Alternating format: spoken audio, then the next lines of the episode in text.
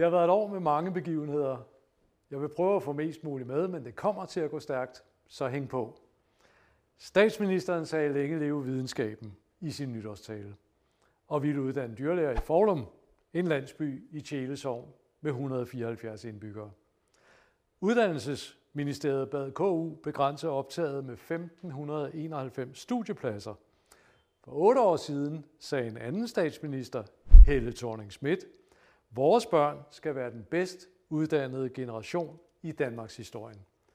Professor Ali Salanti fik lov til at blive i laboratoriet under lockdown og fik 800 millioner kroner af staten til at udvikle en vaccine med firmaet Bavarian Nordic. Tillid til videnskaben hjalp Danmark gennem de første bølger af pandemien.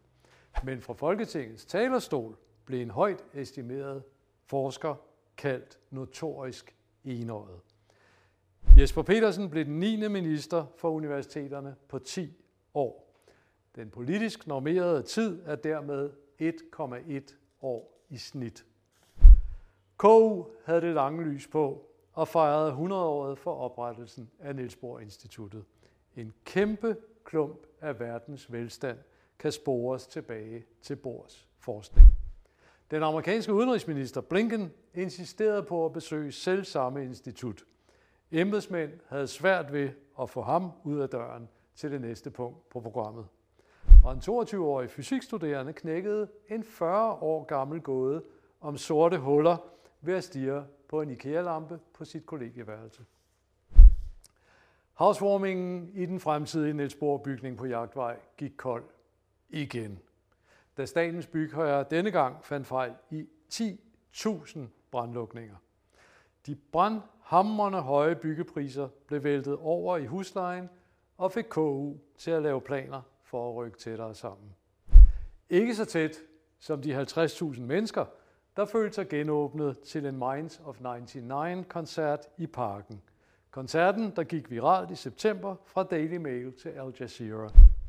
Og Minds of 21 KU-studerende dansede til immatrikulationen og til KU's egen festival med deres hurtige hænder, hurtige fødder og hurtige hoveder. Studenterrådet samlede 500 nedslående studenterberetninger fra nedlukningen. Her er bare en af dem. Det er mit første år. Jeg ved ikke, hvad det vil sige at gå på universitetet. Jeg er nervøs for, om jeg overhovedet får venner. Studenterforeninger genstartede campus og forenede de studerende med hinanden. Rusvejlederne på molekylær biomedicin vandt DM i disciplinen tutor. Nogle studerende kunne godt lide at være online, de fleste kunne ikke. Underviserne talte til et kamera i en nødsituation. Mange af dem ville helst være fri. Zoom og Teams var aldrig blevet tændt uden teamwork. IT-folk og studieadministrative medarbejdere holdt for. Uden for hjemmekontoret steg temperaturen, og varme rekorder faldt på stribe i Kanada og i Grønland. Flodbølger hervede Tyskland. En alarmklokke for menneskeheden, sagde FN's generalsekretær Guterres om IPCC's rapport. Regeringen fremlagde sin klimaplan for landbruget på KU's campus i Tostrup og håbede, at forskningen ville ramme CO2-reduktionsmålet efter en kurve, der ligner en hockeystav. 300 forskere på tværs af KU sagde ja tak til klimaudfordringen i Green Solutions Center. Flere af forskerne mente, at politikerne allerede har hockeypukke til at banke i klimamålet. For eksempel grydeklar vegansk viden. Planteforskere opdyrkede hvedegræs, som fungerer som en stærk CO2-støvsuger. Og dataloger lavede en perfekt udgave af en algoritme, der allerede har sparet IT-giganternes forbrug af båndbredde med 8 gange. Forskere og studerende fortsatte med at udforske emner, som ikke har dyt med klima og eller corona at gøre, men måske kan give svar på den næste globale krise, eller bare gøre os klogere.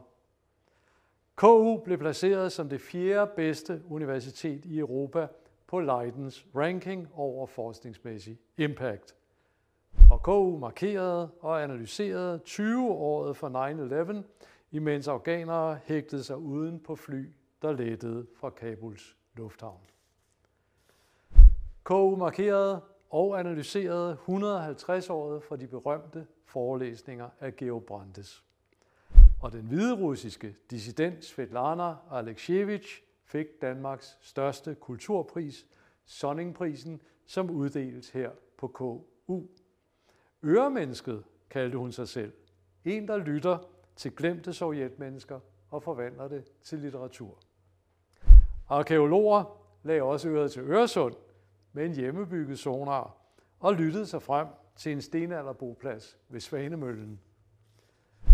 4 ud af 5 høns får brud på brystbenet ved at lægge æg. Det gør ondt, sagde adjunkt Ida Tøfner, også på dyrevelfærden. Geogenetikere bekræftede, at Sitting Bulls tiboldebarn er Sitting Bulls tiboldebarn, og fortsatte dermed at be og afkræfte verdenshistorien i overskrifter på BBC og CNN. Geografer satte også KU på verdenskortet ved at opdage verdens nordligste ø ud for Grønland. En mudderbanke på størrelse med en kvart fodboldbane. Vi udvider kongeriget, konstaterede ekspeditionsleder Morten Rasch. Jeg vil gerne udvide den formulering. KU udvidede ikke bare kongeriget, men også hele verden og verdens opfattelsen. Og KU's impact rammer både dybere og bredere end de mediehits og overskrifter, som jeg slår ned på her. Så kære kolleger, studerende og tidligere studerende, tak for alle jeres bidrag til universitetet, gaven, som bliver ved med at give til hele Danmark og til hele verden. Ha' nu en dejlig juleferie med jeres kære og nære. God jul og godt nytår.